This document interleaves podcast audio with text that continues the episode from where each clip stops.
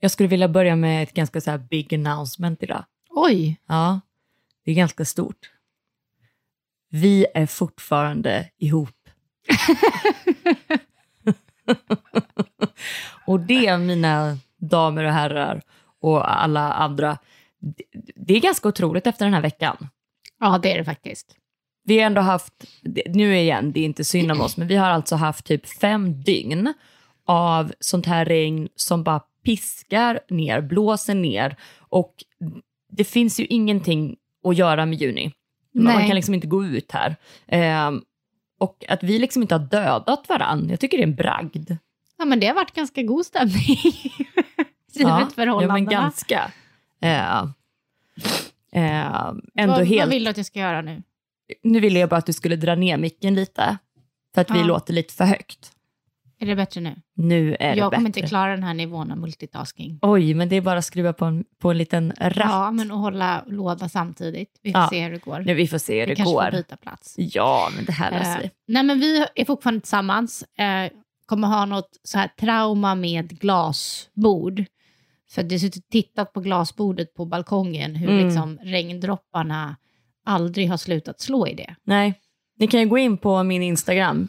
Fia Nordin heter jag där, så kan ni se lite hur, hur det har varit.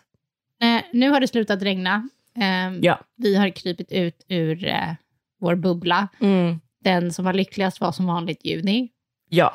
Hon har ändå varit så i gott mod. Hon har inte Mm. varit l- typ störd av det här. Och det handlar bara om att hon har kollat på Netflix 24-7 i fem dygn typ. Mm. Alltså det är ju faktiskt sant.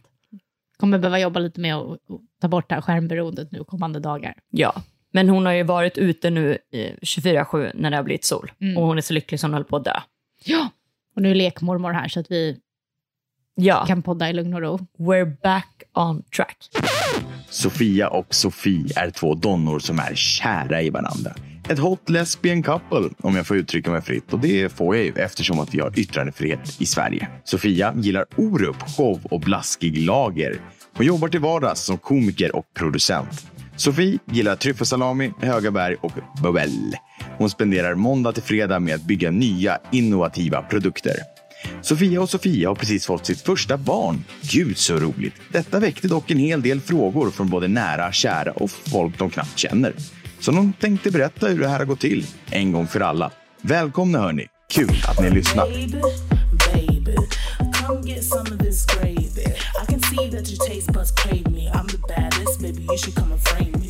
vi är i den här uh, förrummet, kan man väl kalla det. När man Ja, väntar på att få komma till sitt förlossningsrum, Exakt. där vattnet går och vi kan inte sluta skratta. Nej, det var så himla sjukt att vara beredd på fyra dygn och så tog det 20 minuter för din kropp och bara, alltså din kropp måste ju varit, alltså verkligen på gång. Alltså hade det gått en dag till så tror jag att vi hade typ, alltså att det hade börjat starta igång hemma. Ja, möjligt. Juni behövde lite hjälp på traven. Mm. Men hon var också 14 dagar sen, så det, man får väl hoppas att hon kände sig klar. Ja, hon kände sig nog ändå väldigt klar. Får se om hon blir en late bloomer Mm. i livet. Nej men vattnet gick och det är där vi är nu. Men, men vi tänkte vi skulle backa några steg innan det här ändå, eller hur? Mm, precis. För att det är ju väldigt mycket eh, liksom, tankar och saker som man känner att man måste fixa och göra. Och det finns någon liksom så här, jag måste boa för det här barnet. Eh, impuls i en också. Eh, månaderna och veckorna upp till att det faktiskt är dags. Ja, verkligen. Och det är väldigt många saker som är så bra förberedelser, men det är också hysteri.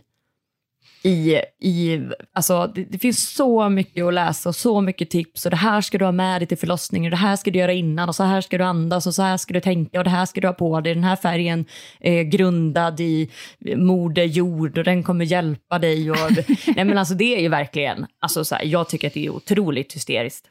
Vissa saker är väl jättebra. Eh, men, men eh, ja, nu var det inte jag som födde barnet då, men, men jag kan känna, som det ofta blir, att så här, ta det lite lugnt. Man kan bli lite stressad också bara av allt. Nej, men de här packlistorna är bland det sjukaste.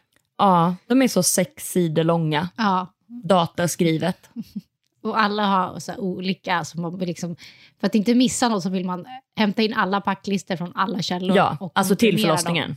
Ja, precis Mm. vad man ska ha med sig. Mm. Sen slutar det med att man ändå använder en tiondel av det som var tänkt. Ja. Men du, vi, alltså, du hade ju ändå några så här life saviors som vi hade med oss. Mm. Kommer du ihåg vilka det var? Ja, men en grej som var helt fantastiskt att ha under själva förlossningen, det är ju liksom som en x antal timmar lång intensiv träningspass på många sätt. Mm. Men man kan liksom inte röra sig. det låter lite paradoxalt. Eh, Men alltså ha en vattenflaska med sugrör. Ja, just det. Det var ju, det, det var ju toppen. Ja. Alltså verkligen toppen. Och sen hade vi den här lampan också. Vi hade med oss någon sån alltså dimbar lampa Ja. typ, som hade ett så ganska soft ljus. Det var ju väldigt, väldigt skönt. Ja, både under förlossningen när man är liksom mer i de här perioderna av downtime, men också Mm. efter på Ja. eh, BB, att slippa lysrör. Ja, ja det, var, det var underbart. Men det var ju också, alltså vi eh, fick ju barn under corona. Så det var också lite speciellt innan förlossningen, för det fanns ju inte några sådana här kurser.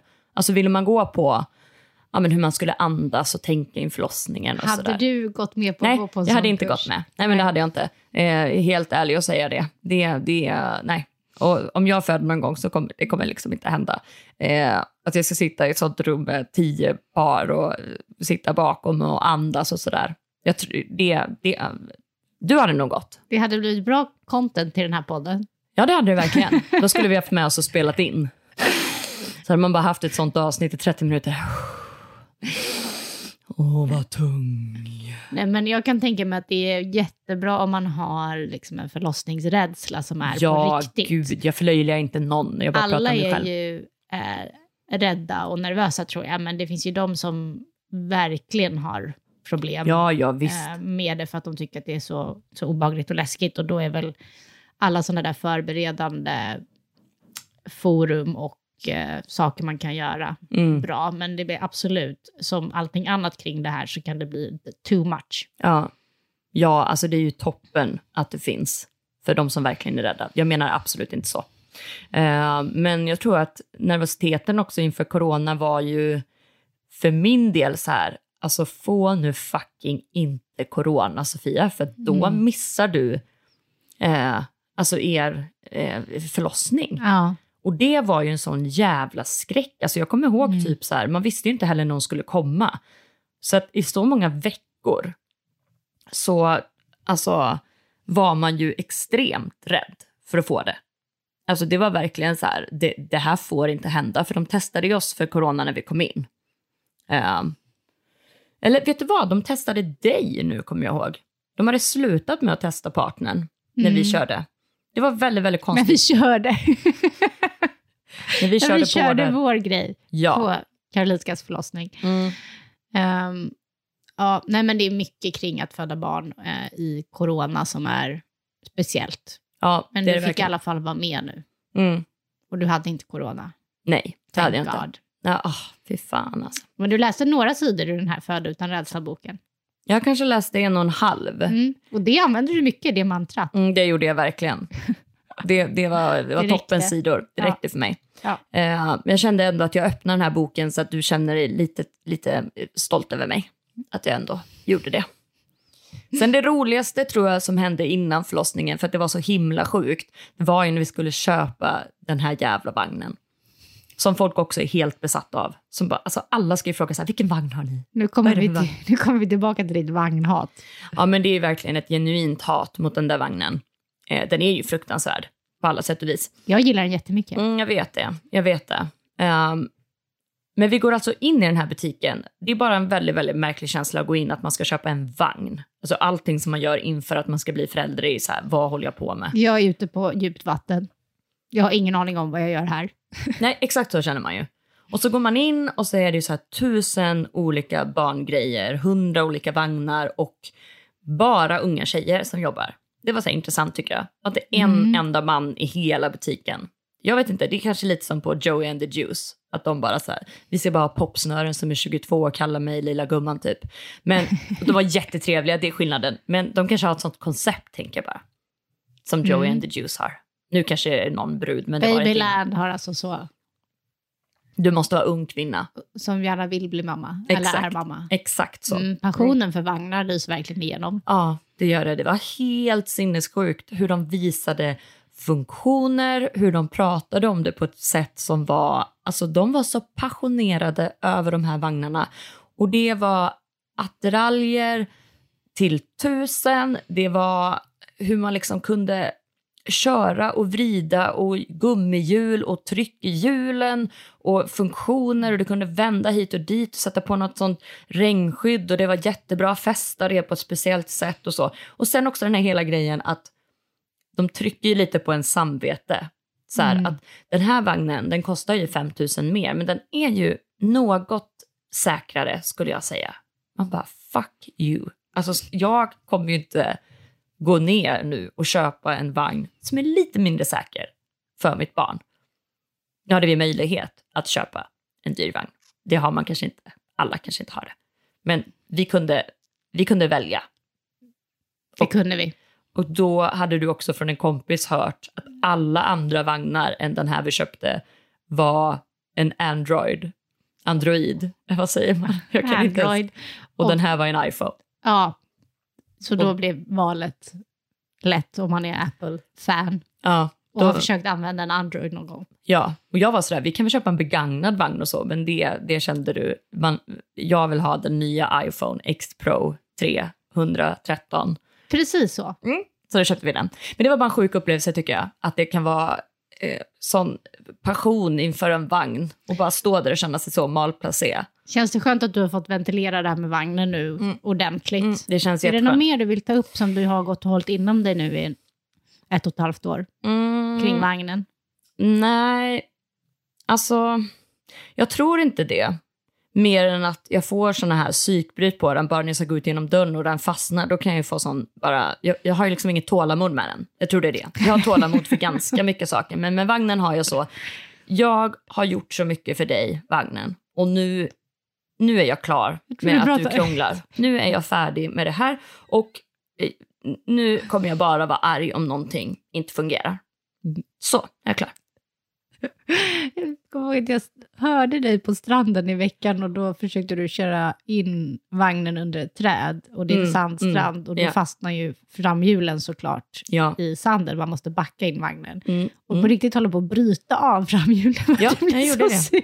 Nej, men jag gjorde det. Jag, det. Det går inte. Det finns noll, bara noll ta procent. ett andetag och backa och snurra runt vagnen Mm, och rulla då, in den. ja, men då fick ju Inte du ta över, för då kände jag, nu är jag klar. Och jag kände också att nu kommer vi inte ha några framhjul på vagnen och Nej. det behöver vi. Ja, vi behöver det, men det hade också varit skönt att bara slänga den. Nej, Juni behöver verkligen den. Det är klart att den eh, har någon eh, liten kvalitet. Nu sa jag det. Ett poddtips från Podplay. I podden Något Kaiko garanterar östgötarna Brutti och jag, Davva, dig en stor dos skratt. Där följer jag pladask för köttätandet igen. Man är lite som en jävla vampyr. Man har fått lite blodsmak och då måste man ha mer. Udda spaningar, fängslande anekdoter och en och annan arg rant. Jag måste ha mitt kaffe på morgonen för annars är jag ingen trevlig människa. Då är du ingen trevlig människa, punkt. Något Kaiko, hör du på Podplay. Därför är gardinerna. Baby, baby, come get some of this gravy. See that your taste buds crave me. I'm the baddest, baby, you should come and frame me. Förlossning, vad är liksom folks besatthet med denna aktivitet? Kan man kalla det det? Ja, men det kan man väl här, göra. Som det en känns sport. liksom att förminska förlossningen lite. Bara kan det, så här, det är en aktivitet på min to-do-lista. Ja, men- av. Du har ju ändå genomgått en förlossning och då får man ju faktiskt tycka eh, vad man vill. Så om du tycker att det var en aktivitet. Får man säga vi här? Eh, jag sa inte Vi vi. har genomgått en förlossning. Du har genomgått en förlossning, sa jag inte det? Ja, men eh, det är som att vi är gravida. Jaha, Får man ja, säga nej, vi? nej, nej, nej. Eller jo, jo, det tycker jag faktiskt. Ja, Jag tycker att vi har genomgått en förlossning, för där har jag ändå faktiskt eh, bidragit med eh, eh, det stöd jag kunde och vi har genomgått ihop. Alltså när man är gravid så har jag ju verkligen inte genomgått att vara gravid, men jag har Nej. genomgått liksom processen förlossning. Det tycker jag. Fast jag är värd kanske 5 procent. nej, jag tycker du får några fler procent. Faktiskt. Nej, men det är ju... Jag gillar inte att exkludera folk som inte har barn när man refererar till erfarenheter och så, för jag tyckte att det, det gjordes väldigt ofta innan jag fick barn, att man sa till ja, men du har inte barn, du kommer fatta när du får barn. Så här. Men just förlossningen är ju en sån där grej Mm. eh, som skiljer det är liksom de som har varit med om det och de som inte har varit med Ja, om det. Och det är ja, svårt att förklara vad det är. Det är väl en, nu gör jag precis det jag sa att jag inte tycker om att, Ja, ja visst. att men folk det, gör. Men just kring den här händelsen så är det ju väldigt eh, speciellt och det är väl där den här eh, besattheten om liksom, hur var det för dig? Berätta allt i detalj, varje minut. Jag vill gärna läsa din förlossningsberättelse från våren. nej, men det är helt sjukt. Jag vet inte heller vad, vad det är som gör det. Men kanske att det är en sån... Eh, det är ju verkligen en så här stor, sjuk, mäktig, märklig aktivitet. Jag har en teori. Ja. Att det kan vara någon typ av traumabearbetning för en själv. Aha. För även om det går bra, som det gör för de allra flesta, eller mindre bra men okej efter, så är det, Mm. det är så disruptivt, det är så stort och det är Mm. så intensivt att Mm. Då har man ett naturligt sätt att också bearbeta sin egen förlossning. För att oftast så Mm. frågar man hur var din förlossning och sen så får man höra om den personens förlossning ändå. Ah, ja. Jag tänker att det kan vara något sånt här terapiforum. Alltså, åh nu har du fött, då kan vi prata förlossningar. Yes! Jag Ja. har fortfarande mitt trauma att bearbeta Ja. från min egen förlossning. Och kanske att man så här också får höra att vad som kanske var jobbigt för någon annan. Ja. Och bara så här, var det bara jag som, som eh, sprack så här mycket? Eller är det bara jag som haft jobbigt med det här? Eller bara jag som förlorade mycket blod? Eller liksom vad det än kan vara som man har varit med om. Så känns det som att det kanske är skönt att bara kunna prata om de sakerna. För de är ju väldigt, alltså några saker är såklart väldigt personliga, men, men man kanske ändå känner att man kan prata om det, för att det är ju en sån utelämnande situation. Så att jag vet inte, jag vet inte, har, alltså känner du att du har kunnat vara liksom väldigt privat och prata med folk om det? För både du och jag är ju inte så privata i, i det liksom, man kan vara personlig, men vi är inte så superprivata av oss. Att man alltid liksom, Att vi inte pratar om... nej men man ger, alltså Nej. det här med att man inte ger så mycket detaljer i sånt som är eh, väldigt så här privat. Mm. Nej, det har inte jag gjort och det tänker jag inte att det är någon som kanske tycker att det är så skitkul att höra heller egentligen. Nej, och jag tror kanske bara det är de som är Ja. så otroligt så här, fascinerade av förlossningen som kan ställa sådana frågor. Ja. För att de tror att det är okej. Eh, och man kanske måste bearbeta det, men man kanske inte heller... Du har ju inte velat berätta om din förlossning. Vi har ju pratat om det så många gånger, att folk bara, hur gick förlossningen? Och där har du varit väldigt så här, jag vill inte prata om Ja. förlossningen. Sen kanske med någon, eller några som är nära liksom. Ja. Men det är en väldigt eh, så här, enkel... Eller många frågar det utan att Ja. kanske tänka att så här, det är ganska privat. Nej, men jag har ingen problem med att folk frågar om det, men jag kommer nog ge ett ganska kortfattat svar. Så. Mm. Det gick bra. Mm. Jättebesviken, de som är sådana förlossningsfans som hade förväntat sig 30 minuter Ja.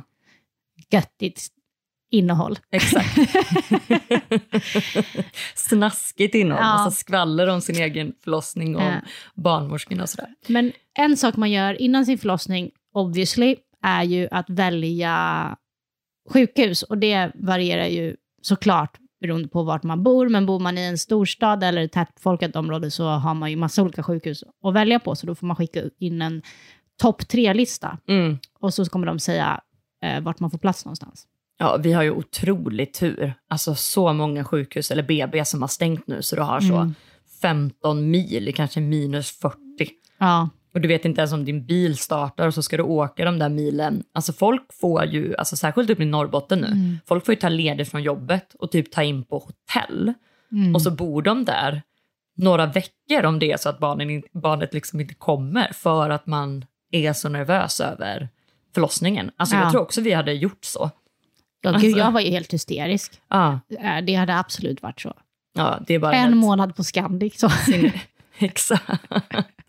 Vad gör ni här? Nej, vi väntar på att barnet ska födas. Mm, Gud, man hade idag. nästan här lutat mot, nej det får bli ett planerat kejsarsnitt för det här går inte. Vi kan inte Nej. sitta här och, eh, och liksom häcka en månad för att... Nej, och jag vet inte om det finns sjukhuset. resurser till det heller. Men alltså jag tror ju som du säger, det, det, jag tror att många kanske som inte har tänkt kejsarsnitt Mm. tänker på det sättet. För att man inte har ett annat alternativ typ.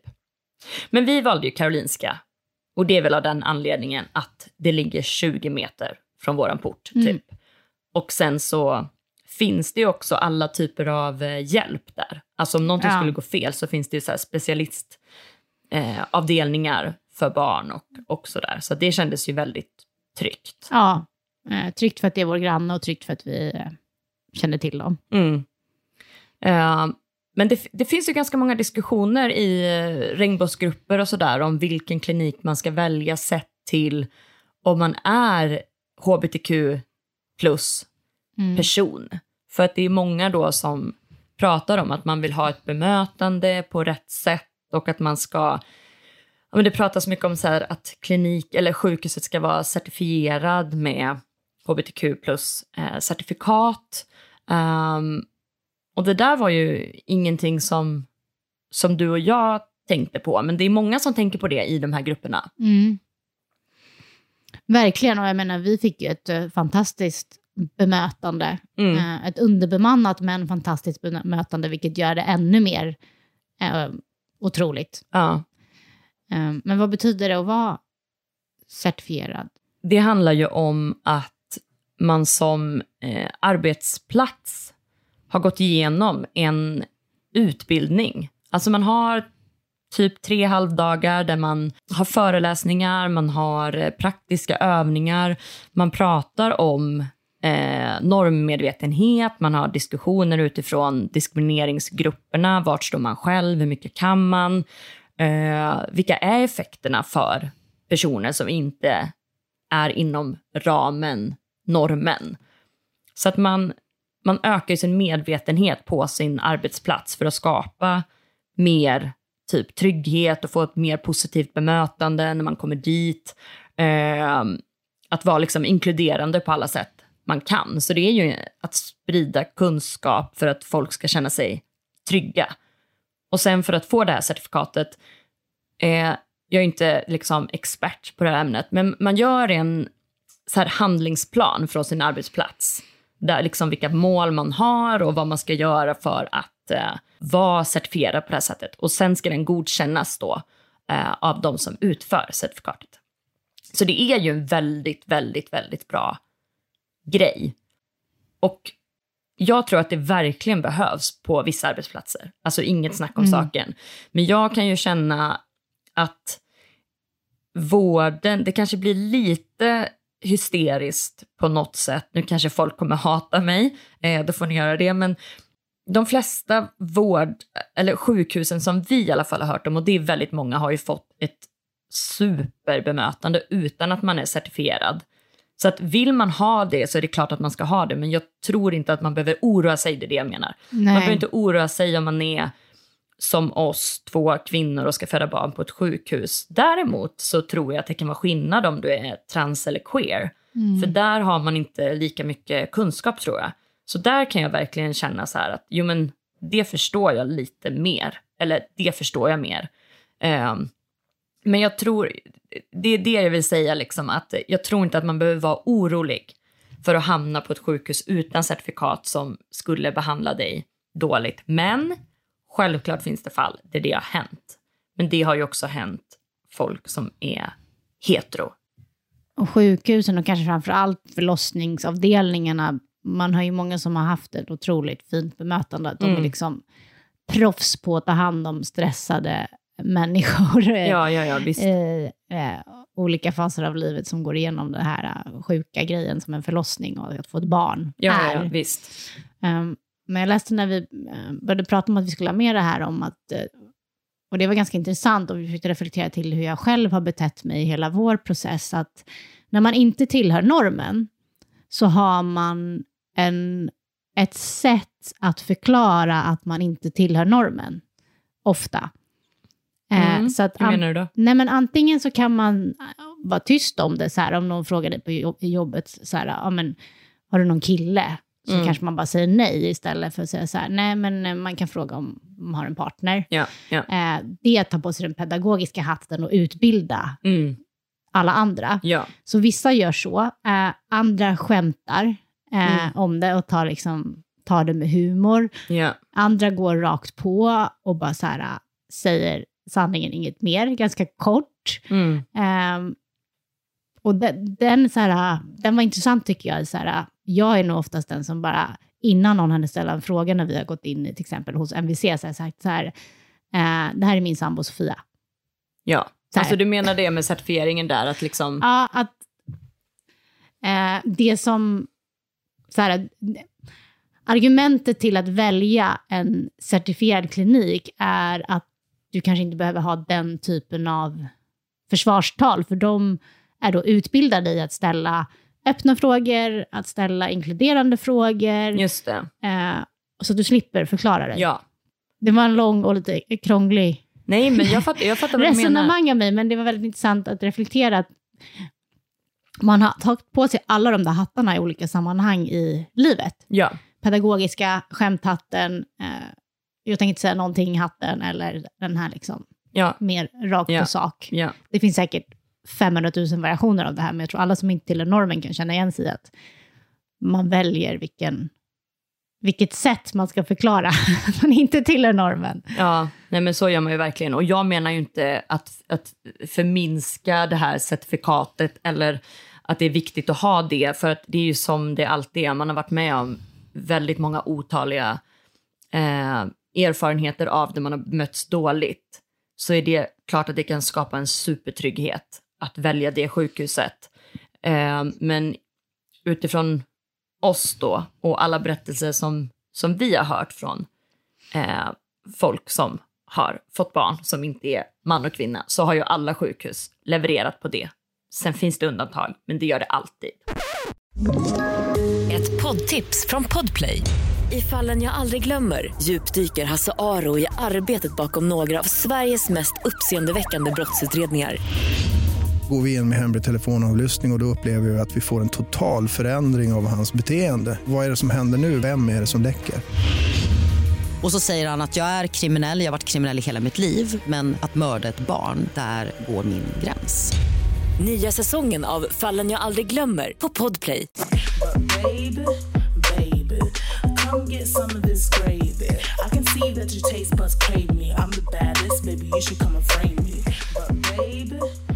Jag hade såklart gett- läst jättemycket om de olika faserna man går igenom när man föder ett barn, vilken bedövning man ska ha i vilken fas och så vidare. Det blev ju såklart inte så. Jag vet inte om jag hade tänkt mig att det skulle bli så, men eh, det är ju bara ett töcken av saker som händer. Mm. Och man får ge upp liksom kontroll över sin egen kropp helt och hållet. Ja.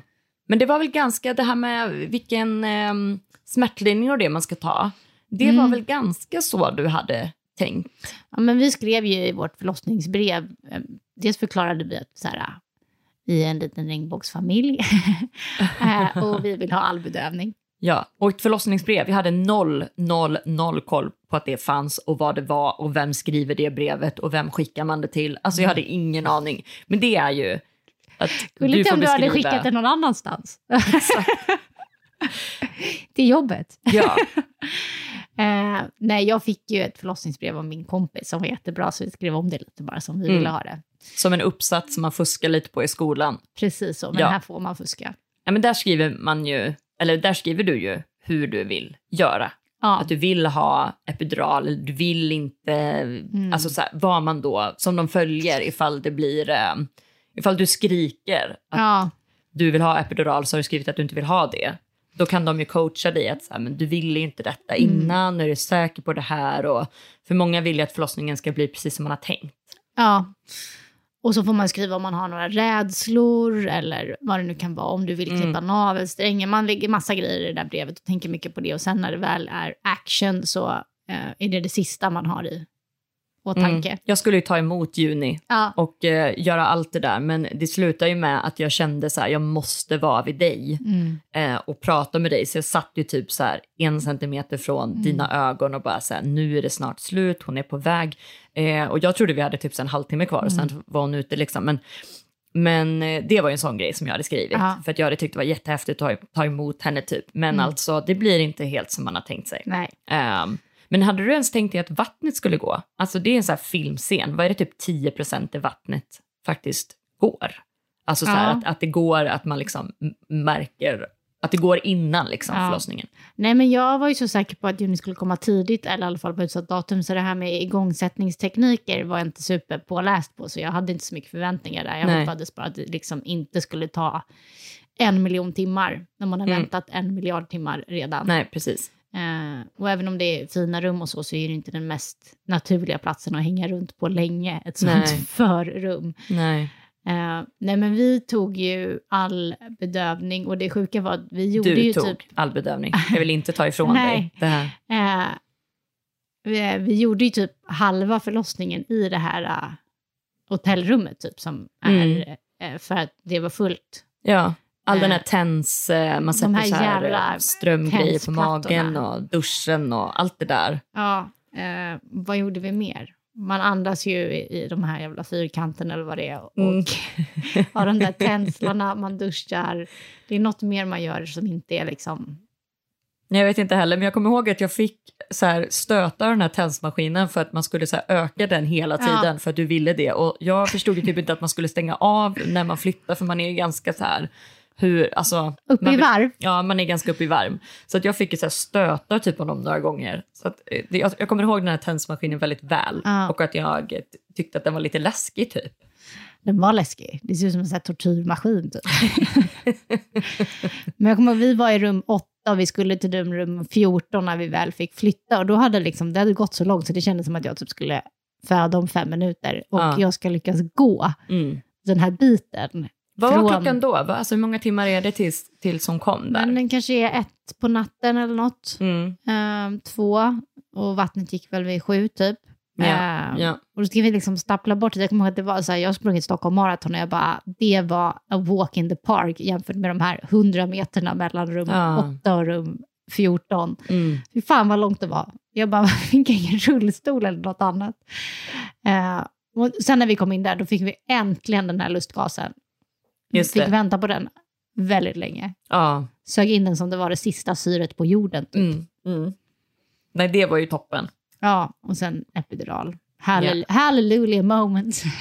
Ja, och det var ju, det kan jag säga var typ så här, det jag tyckte var jobbigast under hela förlossningen. Att så här, sitta och hålla fast dina armar. Eh, för att den där, för det första för att det verkar och verkar och verkar. Och för att få det där sticket i ryggen som inte är så skönt. Tyckte du att det gjorde väldigt ont, just där sprutan? Eller kommer du inte ihåg den? Jag kommer inte ihåg det. Men Nej, jag vet att det gjorde fruktansvärt ont i verkarna då, så att jag var liksom så långt. Det var ju typ så en minut så hade det varit för sent att ta epidural.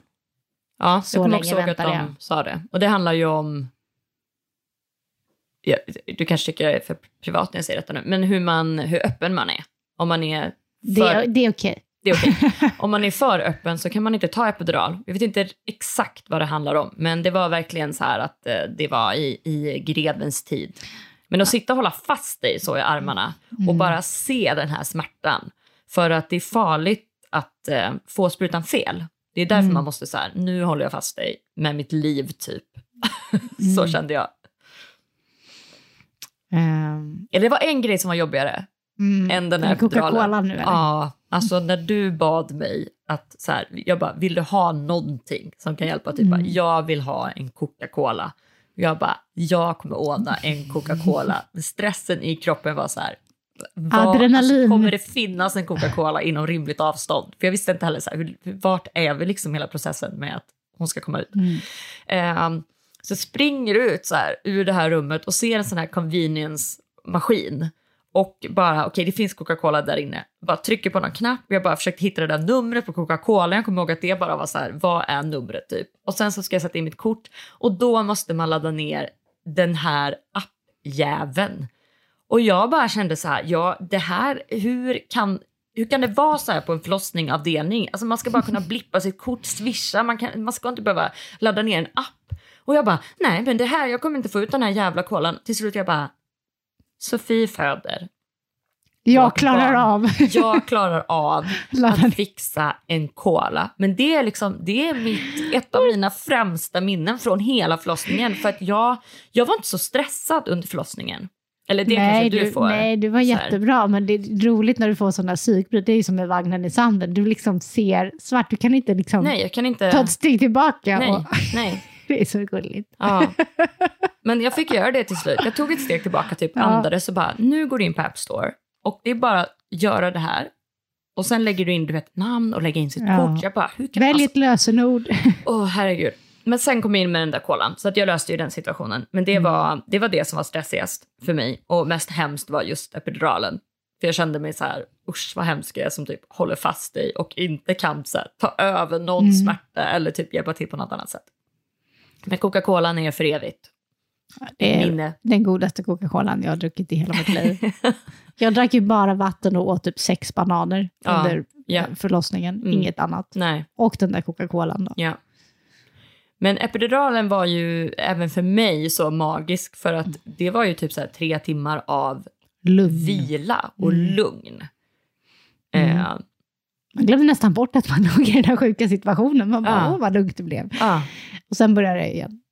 Men eh, juni kom ju första september en lillördag, just en det. onsdag, klockan 10.30. Mm.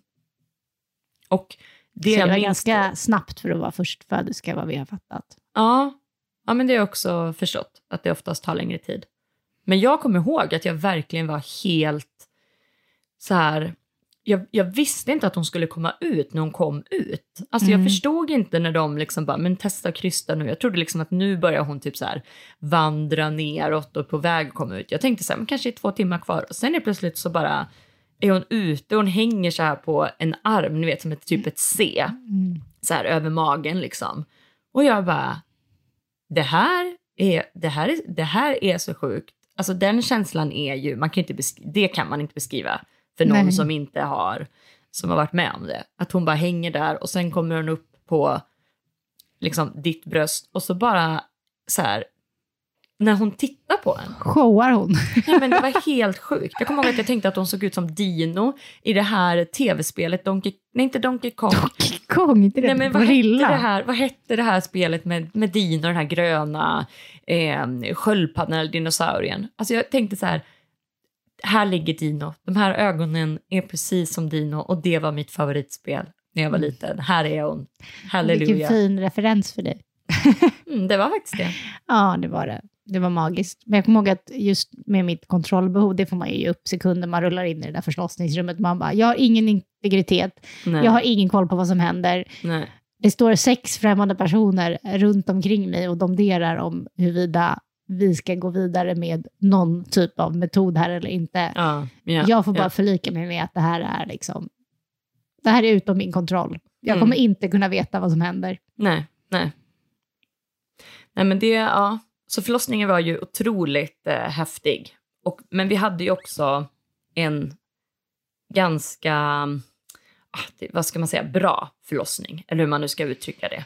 Alltså det gick ju ganska smidigt. Man har ju hört om förlossningar som är såklart dramatiska och Väldigt, akut väldigt kejsarsnitt dramatiska. och allt annat som kan hända. Eller Mm. barnet eh, mår inte bra eller mamma Nej. mår inte bra. Eller, så att man är ju jättetacksam att eh, efter lång väntan att eh, det ändå gick utan någon större drama får man ändå säga. Även om det Mm, känns mm. väldigt dramatiskt för en själv. Ja, såklart. Come get some of this gravy. I can see that your taste buds crave me. I'm the baddest, baby, you should come and frame me. Juni kommer ut eh, och är jättevaken. Hon är verkligen helt klarvaken. Det hade man ju också typ hört att så här, men de blundar mest hela tiden. Hon hade sådana stora, stora ögon och bara stirrade på oss. Mm. Låg där och förlurade Ja, det gjorde hon. och charmade alla barnmorskor. Mm. Ja, det var helt otroligt. Och jag, jag kommer också ihåg att typ direkt när hon var ute så ställde sig en av sjuksköterskorna eller barnmorskorna och skapade ett personnummer till henne. Mm. Och det känns, för mig kändes det så här, får man göra det? Alltså så här, vem får skapa ett personnummer till någon? Alltså det var, det var så här häftigt, bara, men nu är hon det här personnumret och ett personnummer är ju verkligen eh, personligt. Ja, Så det var, jag tyckte det var lite häftigt, så här, det här blir hennes personnummer, varsågoda, okej? ja. Nej, men sen gick det ju undan. Eh, man fick in den här fi kända fikan med lilla flaggan. Mm. Och de höll på att rumstera om där och vi låg där typ i någon typ av chock slash tiden står stilla här, ni kan fortsätta. Vad, var det ens, vad är det ens för fika? Det var en saft typ? Nej? ost. Saft och mackor med ost på. Just det. Just det. Mm. Eh, så, men min saftglas hade vält på min macktallrik. Så det var, Jaha, så vi åt det var, ingen fika det var. Jo, det var en macka dränkt i saft eh, som var jättegod ändå. Just det, okej. Mm. Det jag minns inte riktigt det. Han men- inte riktigt äta upp det för vi var tvungna att rulla ut. Ja, det var ju alltså att- tre på kö i Ja. korridoren. Mm. Och det är ju också typ så här, det är verkligen lotteri. Alltså när, Ja. när får du komma in på förlossningen, finns det plats? För det är ju ändå så synd om alla barnmorskor nu och andra i vården också, men alltså det är ju underbemannat deluxe. Och det, vi behöver inte gå in på hela den debatten, men alltså att tre ligger i korridoren och väntar, det kunde ju lika gärna varit vi som kom in och så var liksom den fjärde. Mm. Och så hade man fått ligga där och hoppas Eller på åka att... någon annanstans. Ja. Nej, men det, därför var det ju väldigt lite tid i förlossningsrummet. Ja. Så att när de skulle flytta upp oss till BB, det hade ju inte gått alls lång tid. Så, så, hade, vi ju, så hade de ju sagt att vi måste mäta och väga och sådär. Så när de började rulla upp oss kom jag ihåg att jag bara, men ska vi inte, väg, vi inte väga oss? Och de bara, men gud, det är ingen som har vägt henne, men gud förlåt, liksom. det är klart att vi ska göra det innan vi åker upp på BB-hotellet. Så att det var ju, de var helt fantastiska, herregud vad underbara de var allihop. Men man tyckte ju synd om dem att, så här, att de var tvungna att så här, skicka iväg oss och Mm. inte kunna så här, ta någon tid med en. För det tror jag att alla barnmorskor vill. Ja. Ehm, men man var ju också så här, skicka ut oss typ så fort ni kan för att det ligger Mm. någon där ute i den här situationen. Vi har varit i ett och ett halvt dygn, så ja, flytta på oss liksom. ja. Sen transporteras man till ett Mm. nytt rum med Mm. lite lugnare eh, Mm. aura. Ja. Feng shui. Ja, och där är ju fotboll på tv. Så man kan Mm, bara ligga det. med sin lilla bebis på bröstet och kolla vilket var, Frankrike, typ Tyskland tror jag det var om jag kommer ihåg rätt. Ja. Och så får man varsin säng där och så får man liksom vila lite partier. Mest Du gick till eh, den lilla kantinen och beställde mat till oss och Mm. så låg vi där och boade. Det var otroligt, alltså de dagarna är ju helt fantastiska. Man, man förstår ju inte vad man håller på med. Nej, man bara, gud, jag nej. ligger här med min dotter nu. Äh, det tar lite tid att smälta. Mm. Ehm, och jag kommer, varje gång jag hör ambulanshelikoptrarna utanför oss nu så tänker jag på de dagarna för att vi hade fönstret precis bredvid um, helikopterplattan. Just det, så det just det. surrade hela tiden så här när det Ja, kom ja, eh, och lyfte helikoptrar. ja. Eh, ja. Nej, men bara vara där och typ så här, byta första blöjan. Man bara, jag har absolut ingen aning om jag byter den på det här sättet och hur tar jag av den på bästa sätt och alltså hålla i en liten sån, för det är ju som en fågelunge. Eh, man tänker ju att de är så här otroligt ömtåliga eh, och man vill bara göra rätt och sådär. Men, men Vi, vi började ju bli tillsammans de första dagarna, för bara, Ja. vi kommer behöva fyra händer för att det här ska eh, gå. ja, nej men så var det verkligen. Det är sjukt att man har liksom också mystifierat det här med blöjbyte.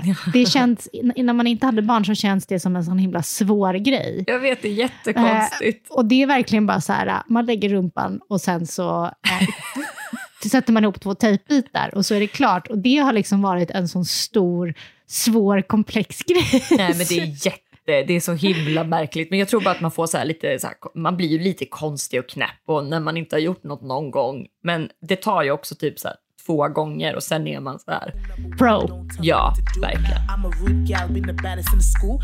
Ja, me men det här var allt som vi hade på att bjuda på den här veckan tror jag. Det är inte så illa, det var en hel förlossning. En hel förlossning. Det får man ändå ge oss.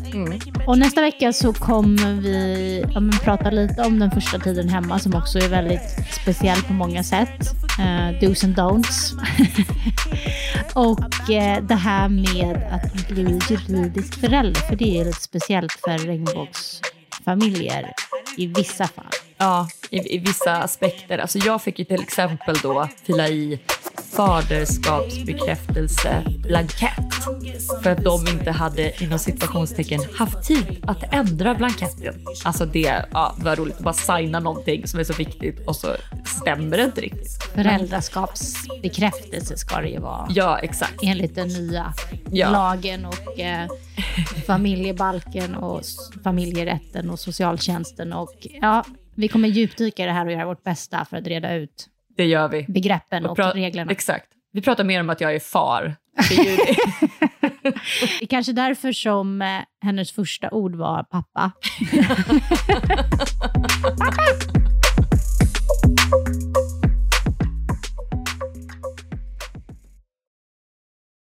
Ett poddtips från Podplay. I podden Något Kaiko garanterar östgötarna Brutti och jag, Davva, dig en stor dos skratt. Där följer jag pladask för köttätandet igen. Man är lite som en jävla vampyr. Man har fått lite blodsmak och då måste man ha mer. Udda spaningar, fängslande anekdoter och en och annan arg rant. Jag måste ha mitt kaffe på morgonen för annars är jag ingen trevlig människa. Då är du ingen trevlig människa, punkt. Något Kaiko, hör du på Podplay. Därför arkadeinerna.